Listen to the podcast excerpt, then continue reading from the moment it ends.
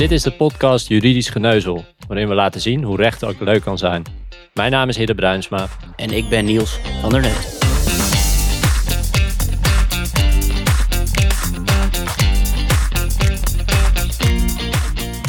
Na de bakel met Nederland op het EK, waardoor we Wolter Kroes gelukkig niet meer hoeven te horen, en het afschaffen van de mondkapjesplicht, gaan we ook midden in de zomer door met Juridisch Geneuzel. Met vandaag aflevering 8 over uitzendwerk. Voordat we beginnen met het rare verhaal van nieuws, nog even een korte reminder dat op onze website alle show notes per aflevering te vinden zijn. Ook ontvangen we graag al jullie luistervragen op vragen.juridischgeneuzel.nl. En nu gaan we beginnen met deze zomerse aflevering. Niels, wat voor raar verhaal weet je vandaag weer uit de hoge te toveren? Nou, voor de verandering begin ik een keer met een raadsel. Er wonen vier arbeidsmigranten in de eerste slaapkamer, drie in de slaapkamer ernaast en twee slapen in de woonkamer. In welk land zijn we? Tsjechië? Het antwoord is helaas Nederland. Uh, pijnlijk antwoord ook. Maar uh, ja, wat het pijnlijk hieraan is, hè, er zijn heel veel malafide uitzendbureaus die niet vaak worden aangepakt. Het beeld is dat het in Nederland niet voorkomt. Nou, de laatste tijd zie je dat al wel wat meer. En in 2018 en 2019 zijn er bijna 4100 meldingen bij de inspectie binnengekomen. Maar meer dan 3600 zijn er niet onderzocht. En bijna de helft van de onderzoeken loopt nog. Nou, het grote probleem is dat er jaarlijks zo'n 4.000 tot 5.000 uitzendbureaus bijkomen en ook weer 3.000 verdwijnen. En daardoor heeft een boete vaak niet het gewenste resultaat. Want de bedrijven die een boete krijgen, die gaan failliet of zijn al opgedoekt en elders een nieuw bedrijf gestart. Nou, er is al onderzoek naar gedaan. Uh, de aanbeveling van het aanjaagteam arbeidsmigranten, ook wel bekend onder de commissie Roemer, die lijken wel op steun te rekenen in de politiek. Dus dit gaat denk ik wel aangepakt worden. Maar ja, ik vond het toch wel een uh, raar en schrikbarend verhaal. Ja, het is een iets ander verhaal dan wat je normaal hebt, maar het, het klinkt inderdaad wel als iets wat echt uh, aangepakt moet worden. Dus goed dat, uh, dat je er aandacht voor vraagt. En dan over het uitzendwerk zelf. Even voor mij als leek op dit gebied. Hoe, hoe ziet een uitzendrelatie eruit? Een uitzendrelatie is een driehoeksrelatie. al kan ook sprake zijn van een vierhoeksrelatie, maar laten we het even makkelijk houden. Er zijn drie partijen. De eerste partij is de werknemer, de uitzendkracht. En die heeft een uitzendovereenkomst met het uitzendbureau, dus de tweede partij. Het uitzendbureau is de formele werkgever en die stelt de uitzendkracht ter beschikking om arbeid te verrichten bij een derde. Nou, deze derde is de inlener, ook wel de materiële werkgever genoemd. En de uitzendkracht verricht bij die inlener onder leiding en toezicht arbeid. En leiding en toezicht betekent dat de uitzendkracht onder gezag van de inlener arbeid verricht, weten we sinds het uh, Care for Care arrest uit 2016. En wat voor soort contract heb je als uitzendkracht? Want voor mij voelt het namelijk altijd een beetje als een vorm van werk die overal tussen zit. En waarbij je beschikt over een contract waar je eigenlijk geen rechten hebt. Dus hoe, hoe zit dat? Ja, de, de uitzendkracht heeft een uitzendovereenkomst. En dat is een arbeidsovereenkomst. Weliswaar een bijzondere vorm, maar het is een arbeidsovereenkomst. En waarom er eigenlijk altijd veel te doen is over de uitzendovereenkomst. En waarom jij misschien dat gevoel hebt, is omdat er een verlicht regime geldt. Er is meer vrijheid ten aanzien van het aangaan en beëindigen van de uitzendrelatie dan bij de reguliere arbeidsovereenkomst. En deze vrijheid brengt natuurlijk onzekerheid voor de uitzendkracht mee. Nou, om een voorbeeld te noemen, als de inlener, hè, dus de partij waar de uitzendkracht arbeid verricht, aangeeft dat hij de uitzendkracht niet meer nodig heeft, stopt daarmee van rechtswege de uitzendovereenkomst indien dit contractueel is afgesproken. Nou, dit is natuurlijk compleet ondenkbaar bij een reguliere arbeidsovereenkomst met alle ontslagrechtelijke regels. En dit voorbeeld komt denk ik later nog wel uitgebreid ter sprake. En ik raak soms ook wel een beetje in de war van uitzenden en payrolling, want uitzending is toch echt iets anders dan payrolling. Klopt, ja. En, en veel mensen raken in de war. En sinds 1 januari 2020 is met de wet arbeidsmarkt in balans ook de payroll-overeenkomst apart gedefinieerd in de wet. En heeft ook een eigen regime. En het verschil met de uitzendovereenkomst is dat de payroll-overeenkomst niet tot stand is gekomen in het kader van het samenbrengen van vraag en aanbod op de arbeidsmarkt. Dat wordt ook wel de allocatiefunctie genoemd. De derde verricht bij payrolling vaak zelf de werving en selectie. Bij uitzending doet het uitzendbureau dat in principe. Een ander verschil is ook nog dat de payroll-overeenkomst meestal een langdurig of zelfs permanente exclusieve ter beschikkingstelling inhoudt. En alleen met toestemming van de inlener mag de werknemer aan een ander ter beschikking worden gesteld. Nou, bij traditionele uitzenden verricht de arbeidskracht, de uitzendkracht, vaak tijdelijk werk voor één of verschillende derde en is er helemaal geen toestemming hiervoor vereist. Over uitzenden spraken we ook met Ton Wildhagen. Hij is hoogleraar arbeidsmarkt aan Tilburg University. Wij stelden hem de vraag: waar komt uitzendwerk vandaan en waar gaat het naartoe? En hij antwoordde hierop als volgt. Uitzendwerk is overgewaaid uit de Verenigde Staten. In het begin van de jaren 60 richt Frits Goldsmeding uitzendbureau Amstelveen op. Hij is als student economie aan de UvA in zijn doctoraalscriptie over tijdelijke arbeid tot de conclusie gekomen dat er in Nederland mogelijkheden liggen voor een goed geleid en degelijk opererend uitzendbureau. Netto inkomsten, overigens, in dat eerste jaar van oprichting zijn 9 gulden en 8 cent. Dat is 4,12 euro. Goldsmeding had één secretaresse in de kaartenbak. Hij zag bij een bedrijf een vacature die steeds open bleef staan en hij probeerde tot tweemaal toe om deze vacature via uitzendwerk in te vullen. In die tijd waren alle werknemers nog in vaste dienst. De betreffende werkgever reageerde aanvankelijk verontwaardigd en dreigde Frits zelfs van de trap te gooien. Toch ging die overstag en bracht Frits de secretaresse op de fiets naar het bedrijf. En zo werd Randstad geboren, momenteel het grootste uitzendconcern van de wereld en uitzendwerk, een driehoeks arbeidsrelatie tussen uitzendbureau, inledend bedrijf en de uitzendkracht, is onderdeel van de forse flexibele schil die zich sinds de jaren 2000 in Nederland heeft ontwikkeld. Met een eigen CAO. Uitzendkrachten worden in veel sectoren en organisaties tijdelijk ingezet.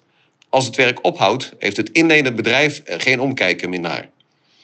In het nieuwe sociaal akkoord is echter het plan uitzendwerk terug te brengen tot alleen ziek en piek. Dus mensen sturen als het vaste personeel ziek is of als het heel druk is, bijvoorbeeld met kerstpakketten in december. De vraag is of dat verstandig is van het sociaal akkoord en of dat gaat gebeuren. Jazeker, uitzendwerk kan beter. Meer werkzekerheid, minder kans op werkloosheid en meer investeren in opleiding. Als de bureaus dat laatste doen, kunnen ze ook veel betekenen voor een inclusieve arbeidsmarkt. Iets wat niet opziet in Nederland. Ton Wildhagen zegt hier verschillende interessante dingen. Hij heeft het over de forse flexibele schil. En ik heb het even opgezocht. En in 2020 waren er 211.000 uitzendkrachten. In het Sociaal Akkoord van 2 juni 2021 staat dat uitzendwerk alleen nog voor piek en ziek mogelijk moet zijn. Om welke redenen wordt uitzendwerk eh, momenteel ingezet, Niels? het is altijd fijn om in ieder geval te horen dat jij netjes je huiswerk hebt gedaan. Maar om uh, antwoord te geven op je vraag, de redenen voor uitzendwerk. Begin 2020 is er een onderzoek uh, uitgekomen. En daar staat dat piek en ziek ook op dit moment een reden is waarom wordt gekozen voor uitzendwerk. Maar er zijn ook andere redenen. Uit dit onderzoek blijkt bijvoorbeeld uh, dat uitzendwerk ook dat daarvoor wordt gekozen om de kosten te drukken hè, door het versoberen van arbeidsvoorwaarden of het verschuiven van arbeidsrechtelijke risico's. En je ziet ook als het economisch minder gaat, dat als eerst wordt bezuinigd op uitzendkrachten en ZZP'ers en daarna pas op werknemers met een bepaalde of onbepaalde tijdscontract. Nou, zowel in het Sociaal Akkoord als het rapport van de Commissie Regulering van Werk, hè, daar heb je ze weer, de Commissie Borslab, zegt hierover dat flex moet worden teruggedrongen dat het niet moet kunnen worden ingezet om te concurreren op loonkosten, maar alleen voor piek en ziek en voor een beperkte periode. Je had het in het begin al over het verlichte regime. Uh, welke rechten van uitzendkrachten zijn dan aangetast ten opzichte van gewone werknemers? Ja, de belangrijkste afwijkingen kunnen alleen in een CAO worden afgesproken. Uh, dus ik ontkom er niet even aan uh, dat te noemen. Tom Wildhagen zei het ook al, hè, dat de uitzendsector een eigen CAO heeft. Ik noem deze de uitzend-CAO. Juridisch zijn eigenlijk twee CAO's, namelijk de ABU en de NBBU-CAO. Maar de inhoud is op enkele details na identiek en wordt ook gelijktijdig onderhandeld. Vandaar dat ik deze even samenpak tot de uitzend-CAO. En uh, deze CAO is volgens mij sinds 1995 van tijd tot tijd algemeen verbindend verklaard. En daardoor ook van toepassing op de uitzendovereenkomst. En er is nu een hele rel ontstaan over de verlenging van deze CAO, maar die rel laat ik even voor wat het is. En wat zijn de belangrijkste afwijkingen die in de uitzend-CL staan? Je hebt, het, je hebt in het begin al een voorbeeld gegeven, maar waar moet ik exact allemaal aan denken um, bij die afwijkingen? Eén, uh, de uitgestelde ketenregeling. Twee, het uitzendbeding. Nou, om bij de eerste te beginnen. Uh, bij de reguliere arbeidsovereenkomst geldt de ketenregeling. En de ketenregeling houdt kort gezegd in dat een arbeidsovereenkomst voor bepaalde tijd wordt omgezet in een arbeidsovereenkomst voor onbepaalde tijd na drie jaar en één dag of bij het vierde contract. Nou, die keten kan worden doorbroken als een werknemer minstens zes maanden en één dag uit dienst is. Dus de telling begint dan eigenlijk opnieuw te lopen, alsof de werknemer daar nooit in dienst is geweest. En voor de uitzendovereenkomst is geregeld dat deze regeling, dus het tellen eigenlijk, pas begint te lopen als de uitzendkracht in meer dan 26 weken daadwerkelijk arbeid heeft verricht. Het gaat hier om werkweken. De omvang is niet relevant. Een werkweek van 1 uur telt net zo zwaar mee als een werkweek van 40 uur, namelijk als één week. En weken waarin niet wordt gewerkt tellen niet mee. Nou, die termijn van 26 gewerkte weken kan worden opgerekt naar maximaal 78 weken. En dat is ook gebeurd in de uitzend-CAO. Uh, dus dat betekent dat de eerste 78 gewerkte weken van de uitzendkracht dus niet relevant zijn voor de ketenregeling. En het uitzendbureau dus deze periode met de uitzendkracht ongelimiteerd contracten kan aangaan zonder dat een contract voor onbepaalde tijd ontstaat.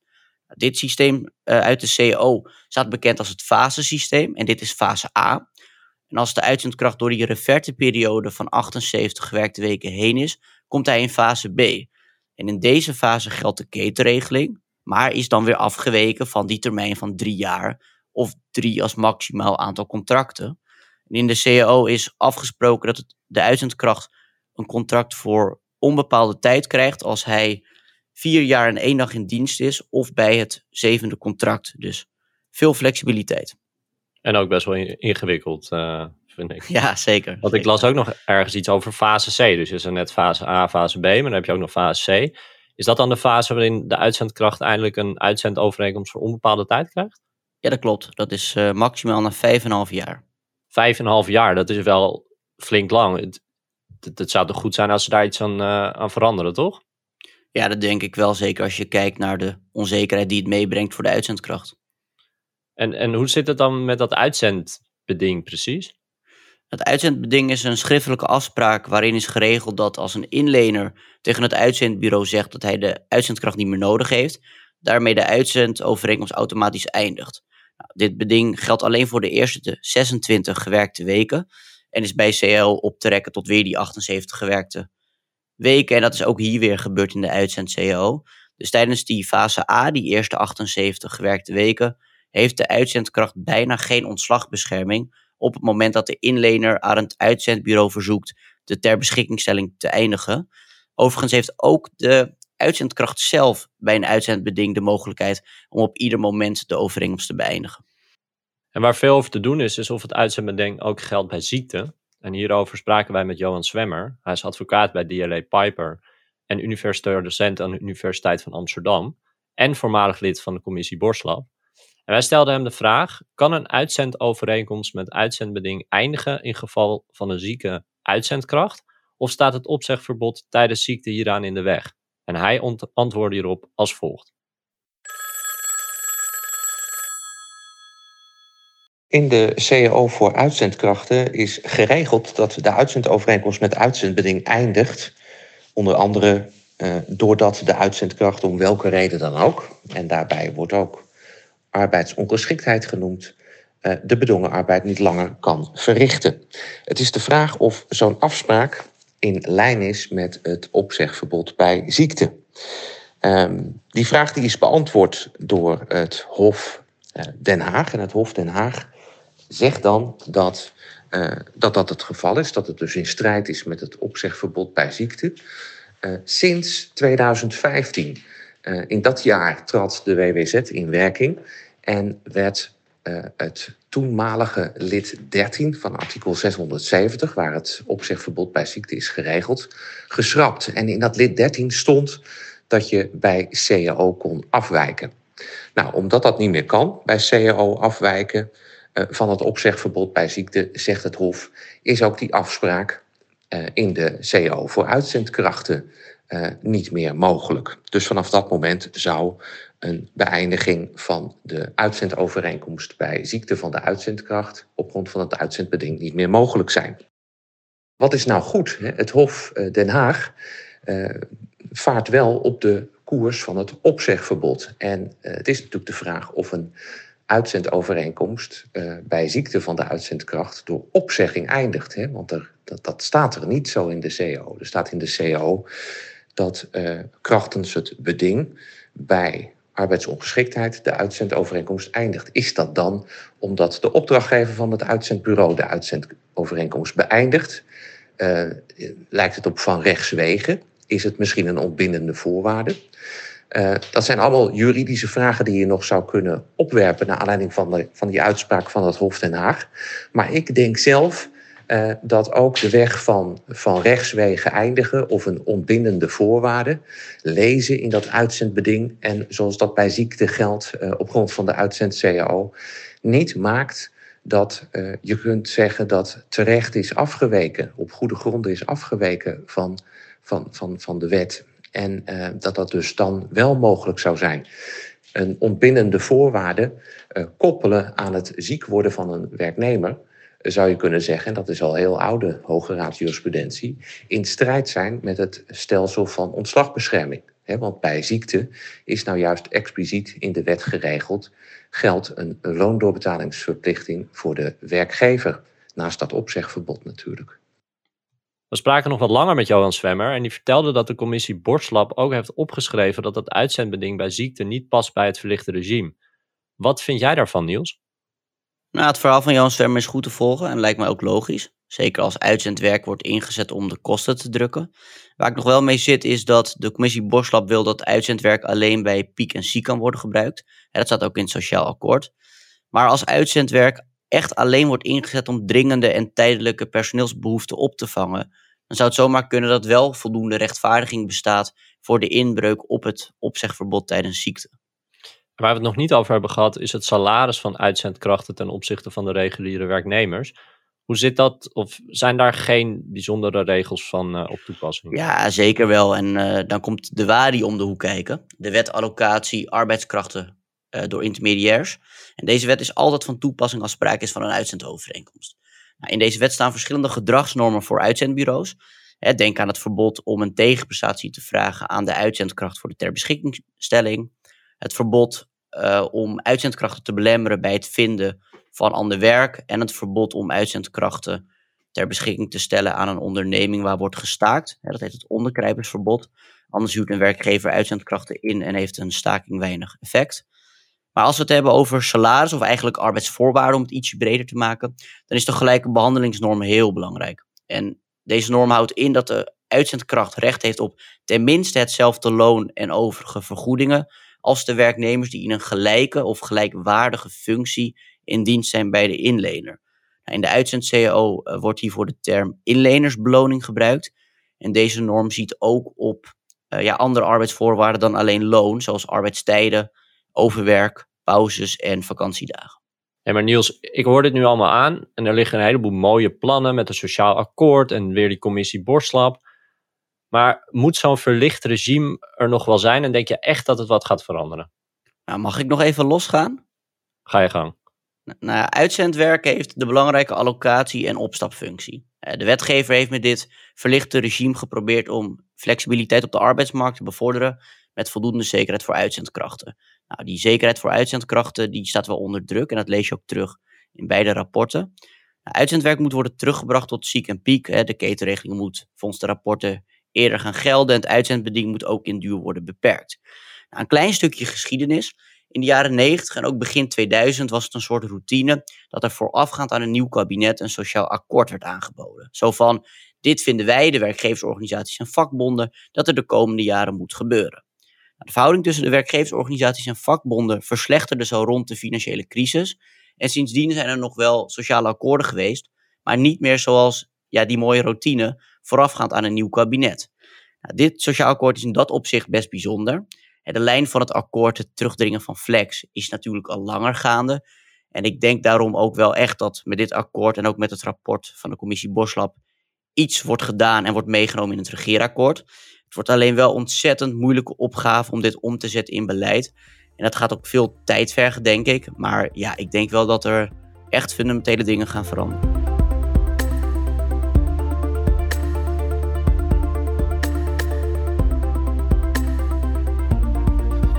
En dan nu nog even graag aandacht voor. Vandaag ben ik weer aan de beurt voor uh, graag aandacht voor. En uh, de zomervakantie staat weer voor de deur. Ik ben net twee weken lekker naar de zon geweest. En ik zag een mooi lijstje van tips over hoe je het beste helemaal kan opladen. En dat je niet tijdens je vakantie constant bezig bent met werk. Ook voor jou goed, uh, Niels. En ik wil daar als freelancer ook nog wat tips aan toevoegen. Nou, tip 1. Noteer de week voordat je weggaat alles wat in je opkomt wat je nog moet doen. Zodat je een goed overzicht hebt van alles wat je nog moet afronden en of overdragen aan collega's. En als je freelancer bent, bespreek dat dan met klanten en geef duidelijk aan van hey, dit moet er nog gebeuren. Twee, zorg dat je een goed overzicht hebt van alles wat er moet gebeuren als je weg bent. En ook eh, wat je kan overdragen aan collega's, zodat iedereen op de hoogte is. En als je freelancer bent, geef dat dan ook duidelijk aan aan klanten van hey, dit moet er nog gebeuren en ik ben dan en dan terug en dan ga ik dat oppakken. Nou, drie, maak een lijstje met dingen die je oppakt als je weer terug bent van vakantie. Ehm, dan gooi je hoofd meteen leeg en dan weet je, als ik terug ben van vakantie, dan ga ik dit en dit doen. En dan kun je daar meteen een planning voor maken. Tip 4. Wees heel duidelijk over je bereikbaarheid en maak daar goede afspraken over. Dus zorg dat het heel duidelijk is voor je collega's wanneer je bereikbaar bent. En als je freelancer bent, zorg dan dat het heel duidelijk is voor je klanten of je bereikbaar bent. En zo ja, via welke manier? Via WhatsApp of via mail. Ehm, en zet je out of office aan van je mail als je dat prettig vindt. En stap 5, de laatste tip. Ehm, maak de keuze of je op vakantie uh, wel of niet doorwerkt. Ik uh, heb bijvoorbeeld wel een beetje doorgewerkt. Ik heb wat mail weggewerkt en uh, nog wat appjes beantwoord. Omdat ik ja, daardoor wat minder stress kreeg tijdens de vakantie. Dus maak die keuze voordat je weggaat. We zijn aanbeland bij de tip van de aflevering. Nou Niels, roep maar. Ja, ik weet niet of ik al die tips van jou ga, ga evenaren. Maar ja, ik richt me tot de uitzendkracht en de inlenersbeloning. Het gebeurt regelmatig dat uitzendkrachten niet dezelfde beloning krijgen als werknemers die rechtstreeks in dienst zijn bij de inlening. En een uitzendkracht heeft recht op hetzelfde loon, ADV, toeslagen, een loonsverhoging, kostenvergoeding en periodieke. Nou, als je als uitzendkracht op enig moment erachter komt dat je bijvoorbeeld te weinig loon ontvangt um, ten opzichte van een werknemer die in een gelijk of gelijkwaardige positie zit, dan kun je dit zelf aankaarten of dit via een vakbond spelen. En soms gaat het echt om onwijs veel geld. En er komt ook nog eens de wettelijke verhoging en wettelijke rente erbovenop. Dus controleer dit goed en kom eventueel in actie. En daarmee komen we tot het einde van deze aflevering. Ik wil graag Ton Wildhagen en Johan Zwemmer bedanken voor het inbellen. En als je nog niet geabonneerd bent en geen enkele aflevering wil missen, doe dat dan via de podcast-app waarmee je luistert. En volg ons ook op Instagram, juridisch podcast, waar we iedere week arbeidsrechtelijke inzichten delen. Bedankt voor het luisteren en tot de volgende keer.